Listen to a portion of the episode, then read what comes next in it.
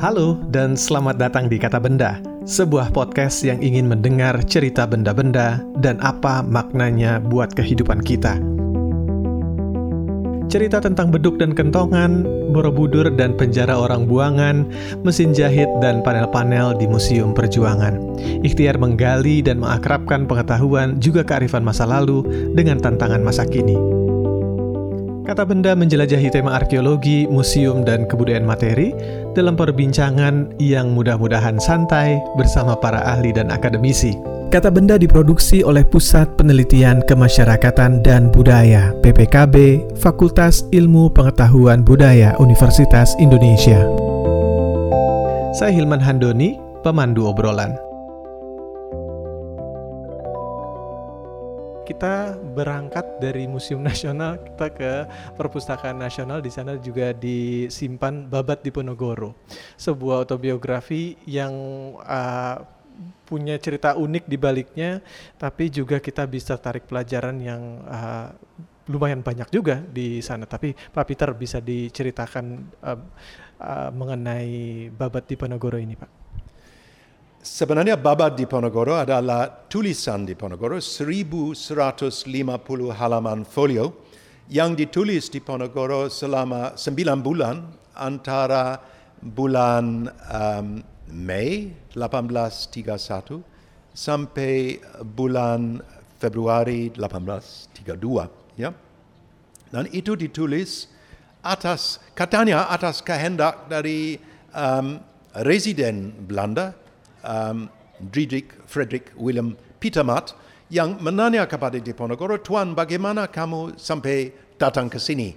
Saya kira ini salah satu dongeng sedikit dari Diponegoro. Sebenarnya dia menulis untuk uh, bahan pelajaran untuk keluarga sendiri yang sedang lahir di dalam pengasingan, enam laki-laki, satu perempuan, Radanayu Muda Dima, uh, supaya mereka bisa ada persentuhan dengan uh, sejarah dunia budaya uh, warisan agama uh, Jawa di dalam pengasingan. Dan sepertiga awal adalah sejarah pengibulan panangan uh, dari Nabi dan dari Brawijaya dari Majapahit sampai ke Gianti sampai ke uh, Mataram pecah dan lahir seorang di Ponorogo dua per tiga adalah riwayat di Ponorogo sendiri sejak lahir di Keputren, di Keraton, sejak dibawa ke Tegarejo dan dididik oleh Eyang Buyut yang perempuan berkasa dan tegas dan ujung tombak dari Tarakat Syataria di Keraton Jogja sebagai seorang sufi Islam Jawa. Ya?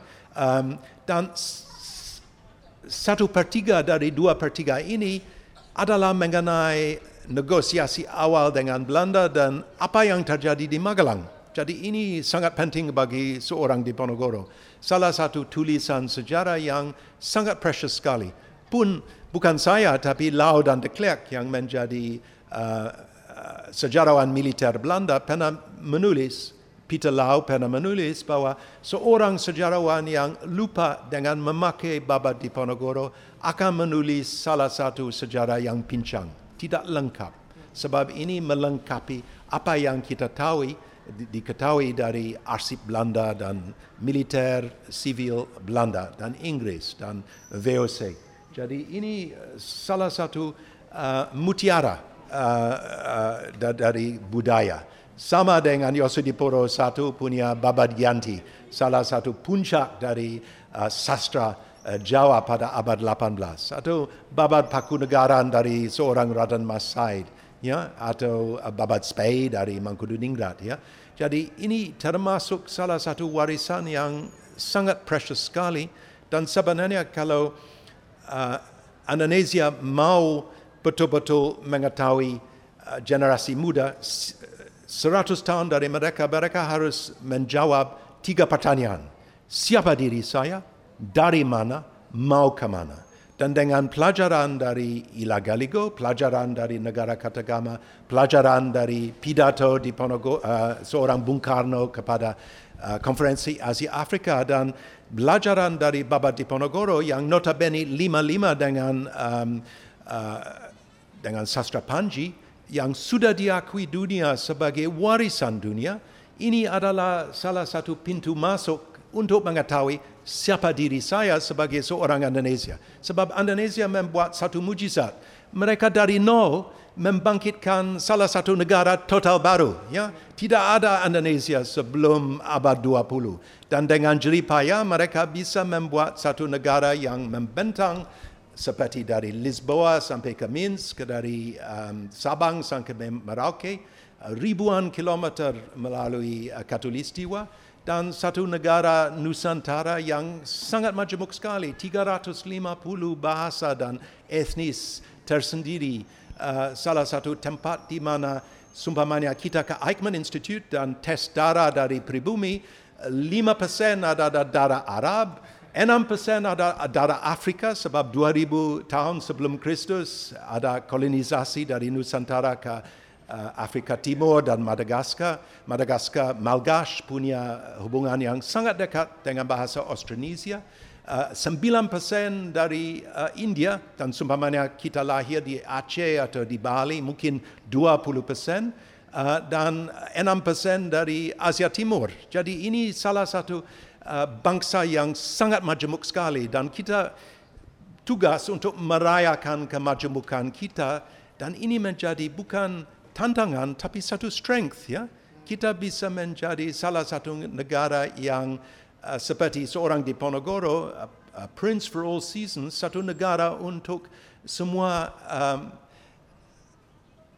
jabatan se, se, ya, semua segi dari kompas dari dunia. Ya, ini seperti Denis Lomba bilang, le Carrefour Javanese. Ini bukan Pagan atau bukan Angkor atau bukan salah satu Bhutan di dalam dilindungi oleh gunung yang yang tinggi dan agak jauh dari pasisir, tapi ini satu negara archipelago, satu negara di mana uh, simpang jalan dari Asia, di mana semua dari negara-negara dan budaya besar dari Asia pernah bercokol ada Timur Tengah, ada India, Hindu India, Hindu Buddhis.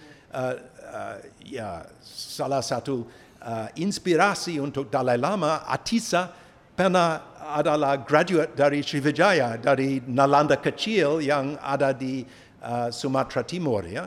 Um, dan juga kita ada ada darah dari Afrika sebab dulu kita menjadi membawa uh, peradaban, membawa Uh, pengetahuan mengenai bagaimana membuat sawah dan tanam uh, pohon um, pohon pisang.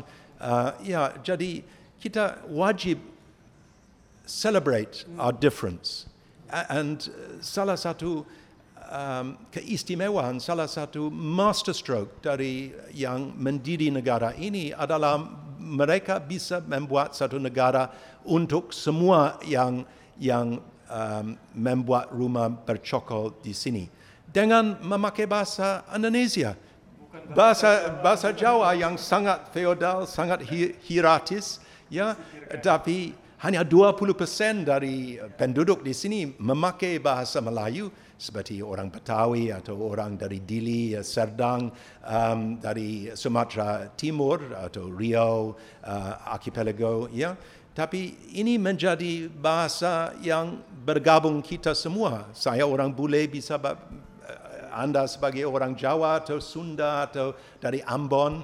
Dan pada akhirnya ada semacam perlombaan antara Ambon dan Riau di mana bahasa Melayu yang paling murni seperti Oxford English atau Touraine French, Potsdam German, Harlem Dutch ya. Dan kita memakai uh, Melayu dari Riau ya. Jadi ini satu master stroke 65 tahun ada gontak ada orang kiri orang kanan orang Islam orang nasionalis orang komunis. Dan mereka bisa membuat salah satu conversation.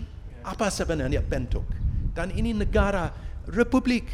Saya sendiri dari Inggris, kita tidak punya republik, kita punya kerajaan, kita menoleh ke belakang, di sini menoleh ke muka. Ya? Jadi saya kira keistimewaan dan identitas sebagai seorang Indonesia harus dirayakan, harus dibanggakan sebab you created something very special, very unique. Baik, Pak Peter, uh, kembali lagi ke Babat di Ponorogo. Uh, selain bahwa itu merekam sejarah, hmm. peristiwa politik, uh, juga nilai-nilai didaktis untuk uh, generasi mendatang. Tapi juga yang menarik adalah bahwa babat ini juga merekam keluh kesah dan sisi personal dari Diponegoro. Dia mengakui misalkan saja menghubungkan kekalahannya di di salah satu pertempuran dengan karena dia sudah tidur dengan ya. pak perempuan yang bukan istrinya juga begitu. Ya. Meminum anggur misalkan. Ada uh, yang yang menurut standar Islam Puritan misalkan sekarang ya. agak sulit untuk diterima dia ya. sebagai seorang Islamis begitu ya. ya ini terekam juga di dalam Bapak Diponegoro. Ini semacam memberikan kita warna lain dari Diponegoro. Bagaimana uh, komentar Pak Peter? Saya kira kalau orang Indonesia zaman sekarang mau mengetahui asal-usulnya, harus betul-betul mendalami tatanan lama dari Nusantara dan Jawa pada khususnya.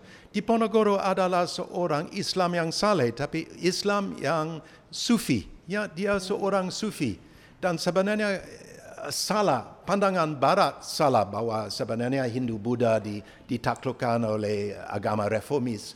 Kalau kita menoleh ke belakang ke abad 14, abad 13 di um, akhir 13, 14 di Majapahit, kita tahu bahwa ada nisan dengan lambang Suryo dari kerajaan Majapahit di Troloyo di eh, tempat Troloyo, di tempat pemakaman dari kerajaan. Jadi ini mencerminkan salah satu masyarakat di mana um, unsur dari Islam sudah masuk dan masuk dengan damai, masuk dengan eh, silakan. Ya, salah satu kemajemukan kita sebagai kerajaan Hindu Buddha adalah kita punya salah satu uh, wilayah, salah satu uh, tempat untuk orang Islam dan anggota keluarga juga masuk Islam, itu tidak ada pantangan. Jadi kita harus tahu bahwa dari abad 14, abad 15, abad 16 sampai ke abad 18 dan awal dari abad 19 di Ponorogo lahir ada satu budaya uh, Islam Jawa yang sangat uh, berbau sufi yang sebenarnya adalah uh, cikal bakal atau default setting dan seorang di Ponorogo, seorang Islam yang saleh, tapi dia anggap bahwa anggur adalah semacam obat seperti jamu yang dia akan pakai. Dia punya selera yang sangat uh, sangat tinggi dan sangat uh, jeli memilih anggur yang paling enak. Itu dari uh, Afrika Selatan, Konstansia di mana ada cungkup dari um, dari Sheikh Yusuf uh, Al-Makassari uh, dekat dengan uh, Cape Town. Uh, dia juga membuat rokok sendiri. Dia mengakui di dalam bawah bahwa dia punya um, ya ingkang sifat ngaral tesi. Asring kenging ginoda datang wanodio. Jadi dia sering tertarik dengan perempuan dan dia dia dia bilang itu dia bukan orang munafik. Dia dia orang yang yang betul-betul uh, ya bisa melihat warts and all seperti seorang Cromwell yang uh, uh, memerintahkan ahli gambar untuk uh, lihatkan semua bercak-bercak di atas muka yang bukan uh, indah, ya. Um, all his warts, all his um, panuan atau lain-lain, ya. Uh, dan ini menarik dari dari seorang di Ponorogo. Dia dia punya default setting yang menoleh ke belakang kepada surat usul dari Ratu Pakubuwono, dari surat Pakunegaran, dari seorang Raden Mas Said yang dari leluhur. Dan this is your these are your origins. Seperti Inggris punya salah satu agama Protestan yang menoleh ke belakang kepada banyak um, we have King Arthur the sword in the stone Excalibur. We have Merlin seorang resi seorang peramal. Dan waktu kita berjuangkan terhadap Nazi mesin yang kita pakai di uh, pesawat Spitfire dinamakan dari nama Merlin. Ya? Um, jadi ini adalah semacam dari leluhur kita punya inspirasi, kita punya uh, salah satu kapasitas untuk bisa mengetahui siapa diri kita sebagai manusia di bumi manusia ini. Sebab man doesn't live by bread alone. Tidak ada segi materi saja. Kita punya unsur spiritual, kita punya unsur kosmik ya. Dan uh, saya kira um, spesialitas uh, keistimewaan dari budaya Nusantara dan budaya Jawa pada khususnya adalah bahwa mereka mengakui uh, ya hidup ini mung mampir ngombe ya. Kita hanya menoleh ke ke ke um, warung kecil dekat jalan minum kopi. Ini satu hidup ya. Sang Buddha punya 86 ribu hidup. Sejak ada ikan atau kelinci dia bisa tahu mengetahui semua ya. Atau sepi yang ramai uh, ramai gawe uh, mengayu-ayu ning bono ya. Ini salah satu filsafat yang kita harus junjung tinggi. Kalau sepi ing pamri tidak ada korupsi ya. Tidak ada selfishness ya tidak ada orang DPR yang uh, meringkus um, ya berangkas dari dari negara. Sebab kita akan ada ada tepus liro akan ada ya dan lahir sebagai seorang Jawa. Kita tidak lahir sebagai orang Jawa. Kita wis dadi wong Jawa dan wis dadi wong Jawa kita harus belajar bagaimana sopan santun bagaimana filsafat bagaimana kita menata diri sebagai seorang makhluk manusia yang berguna kepada sesama manusia. Dan saya kira seorang di Ponorogo sangat menarik di dalam. He was a very Javanese figure, sangat sangat Jawa, tapi juga sangat majemuk. Dia seorang Islam Jawa Sufi, tapi dia punya darah dari NTB, dari Bima, dia punya darah Madura. Ibunda lahir di Sukaarjo dari salah satu desa kecil uh, Ki Agam Prampalan dari Majasto Tembayat ya dia punya riwayat dari leluhur yang bisa menghubungi dia dengan Sunan Kalijogo dengan wali dari Islam. Uh, sangat menarik sekali dan kita harus merayakan. Di setiap toko buku harus ada ada ada Babat Diponegoro yang klasik yang lengkap harus ada ringkasan versi kecil Ila Galigo Babad Gianti, Surat Centini, Surat Cabolang, Wulang Rei, uh, Asta Berata, ya semua harus bisa di ya this is you. Ya ini dan bisa ekspor ke luar negeri. Bayangkan dalam lima hari Avengers Endgame bisa meraih 1.2 billion dollars ya. 1 m dollar 1.2 m dan ini sama dengan apa yang dipinjam oleh um, Habibie dan Vadiman dari World Bank untuk kirim 2.200 uh, putri dan putra terbaik dari bangsa ke luar negeri untuk belajar um, S2, S3 yang punya uh, persentuan dengan teknologi. Yeah? So you've got a pundi-pundi. You've got to share this with the world oleh sebab Indonesia adalah big zero itu bukan menguntungkan kami, merugikan kami di luar negeri. We need to hear from you. We need to hear from you loud and clear. Dan seorang di Ponorogo adalah salah satu narasumber. Ambasadornya Indonesia ya, juga. Ya. Baik, uh, kita ke ke babak selanjutnya tidak jauh dari museum eh, dari museum nasional dan juga dari perpustakaan nasional ada sebuah patung di Ponorogo di lapangan Monas itu ada dari uh, sumbangan dari seorang duta besar dan seorang pengusaha Italia. Dan berikutnya sekurang-kurangnya ada dua ya satu di Monas satu lagi di depan gedung Bapenas. Itu tahun 2005 atau 2006 uh, merupakan adaptasi dari lukisan Hendra Gunawan Pangeran Diponegoro terluka. Dan menariknya juga adalah hampir semua pelukis besar pernah melukis di Ponorogo. Sujoyono, Haryadi S, lalu juga Hendra Gunawan termasuk itu sebuah patung yang indah. Dan dari sana tidak jauh dari patung tersebut di Gedung Bapenas ada juga Museum Perumusan Naskah Proklamasi, tempat proklamasi di naskah proklamasi di Godok. Yang eh, sebenarnya dari segi konteks lokasi ada hubungannya ke situ. Bagaimana di Ponorogo dimanfaatkan pada awal abad 21 ketika para uh, bapak bangsa kita itu mengambil sosoknya untuk menjadi inspirasi untuk membentuk sebuah negara yang belum ada, yang nol, yang tidak ada dalam sebelumnya dalam pikiran orang di abad 19, 20, tapi kemudian ada. Nah, bagaimana di Ponorogo ini dalam perannya dalam pembentukan uh, Indonesia juga yang kita refleksikan dari uh, patung tadi, Pak Peter. Ya, sebenarnya patung melambangkan salah satu pandangan terhadap Diponegoro sebagai panglima. Dia seorang ahli nunggang kuda. Kita tahu dari Harul Anwar dia punya uh, poesi syair uh, uh, kalau Tuhan hidup kembali di uh, zaman pembangunan ini uh, keris di kiri, tombak di kanan dan lain-lain. Ya, ini salah satu segi.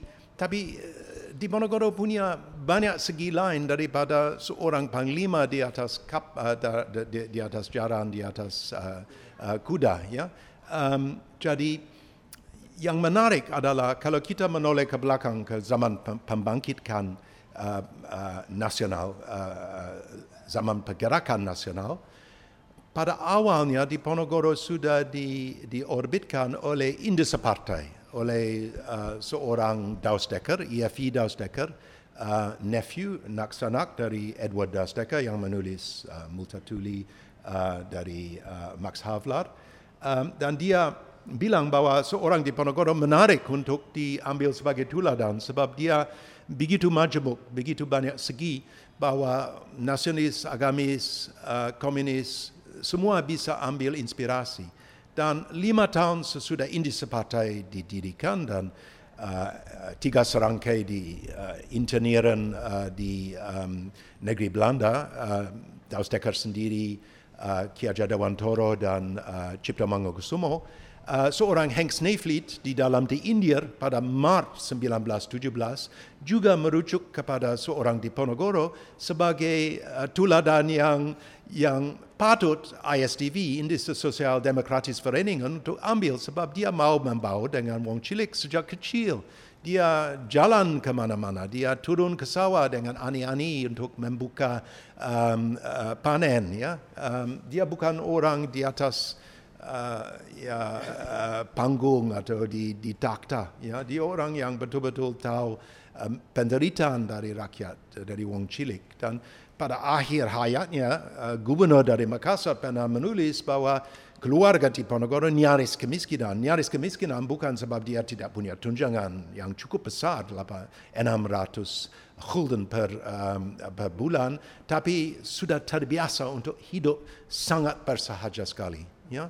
Um, jadi ini sudah mulai terkuak dan di markas dari PKI di Madiun ada gambar dari Kiai Mojo, ada gambar dari di Ponorogo.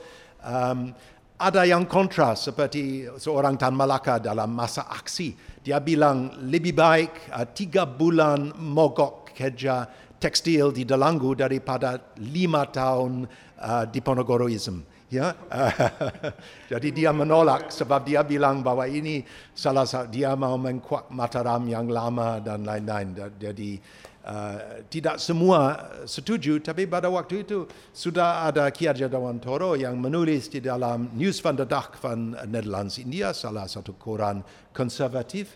Kita harus merayakan hari ulang tahun di Ponorogo dengan api unggun, dengan gerakan pandu, dengan um, banyak macam-macam. Uh, ingat ya. Um, dan juga ada uh, salah satu pergerakan di dalam uh, PSI Partai Syarikat Islam dan Muhammadiyah untuk memakai di Ponorogo sebagai uh, poster boy untuk menunjuk jalan ke masjid dengan Al-Fatihah uh, di uh, surah Al-Fatihah di uh, di uh, di uh, di tempat um, dia punya um, belt ya. Um, jadi bisa dilihat bahwa dari semua sudut di Ponorogo mulai di, diangkat dan CCA Last punya litografi dari apa yang dibuat oleh Jan Bik di sini ini eh, menjadi tuladan untuk posters, untuk pamflet, untuk tulisan. Dan Belanda menjadi resah. Dan seperti Nazi di Jerman, mereka membakar pamflet mengenai di Ponorogo di jalan. Ya, pernah ada episode begitu ya? Ya, pernah ada episode begitu. Mereka bakar-bakar di jalan dan semua keluarga di Ponorogo yang lahir dan dibesarkan di luar Pulau Jawa tidak diperbolehkan datang ke Pulau Jawa untuk mengidamkan pendidikan dari bangku sekolah Belanda dan ini sebab menurut saya tidak ada film layar lebar dengan di Ponorogo sebab selama lima generasi tidak ada seorang keturunan di Ponorogo yang bisa mengidamkan eh, salah satu pendidikan tinggi di bawah naungan dari Belanda sebab mereka dianggap G30S dari zaman kolonial. ya Getty Gules dan kita saya tahu ini waktu saya mahasiswa di di Jogja pada awal abad 70 saya punya teman baik uh, Ibu Dr. Sahir yang tinggal di Jalan Nyoman Oka nomor 7 di um, uh, Kota Baru di Jogja.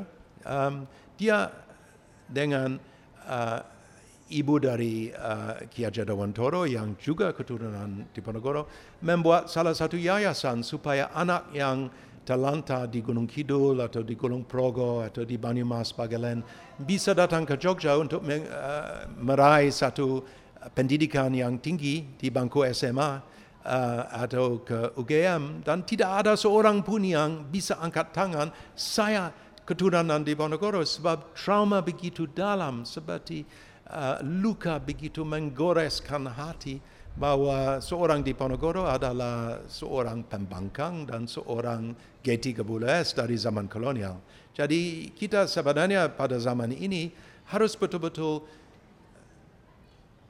insyaf, harus betul-betul sadar bahwa perjuangan di Ponorogo bukan diri sendiri sebagai pangeran terkaya di Jogja, bukan sebab korupsi, sebab sangat teliti sebagai administrator, betul-betul melongkan dan mengkorbankan, tapi mengkorbankan lima generasi dari dari keluarga sendiri yang menderita sebab uh, apa yang di, dibuat seorang di Ponorogo pada awal abad 19 mereka masih merasakan sampai merdeka. Dan sampai merdeka baru ada divisi di Ponorogo yang dibentuk dari Ronggo Lawe dan Senopati dan um, yang lain yang dilebur menjadi divisi pada 5 Oktober uh, 1946 dan anak dari Radhanajeng Kartini menjadi um, uh, panglima dari dari uh, divisi di Ponorogo pertama. Uh, ada um, angkatan laut namakan salah satu um, uh, kapal perang pertama diberi nama uh, di Ponorogo. Di Ponorogo diangkat uh, oleh Jepang dan seorang Muhammad Yamin di, disuruh membuat biografi pertama, biografi modern uh, perjuangan di Ponorogo yang dipublikasikan Jepang pada Juni 1945. Um, jadi mulai dan 200 tahun dari wafat atau 100 tahun wafat di Ponorogo uh, 1955 dirayakan oleh Muhammad Yamin, Bung Karno dan F.L. Tobing sebagai Menteri Inf- Informatika Informasi pada waktu itu um, sebagai salah satu uh, tongkat salah satu um, uh, ya saat sejarah yang harus harus diperingati dengan sangat bersyukur dan sangat berterima kasih atas pengorbanan.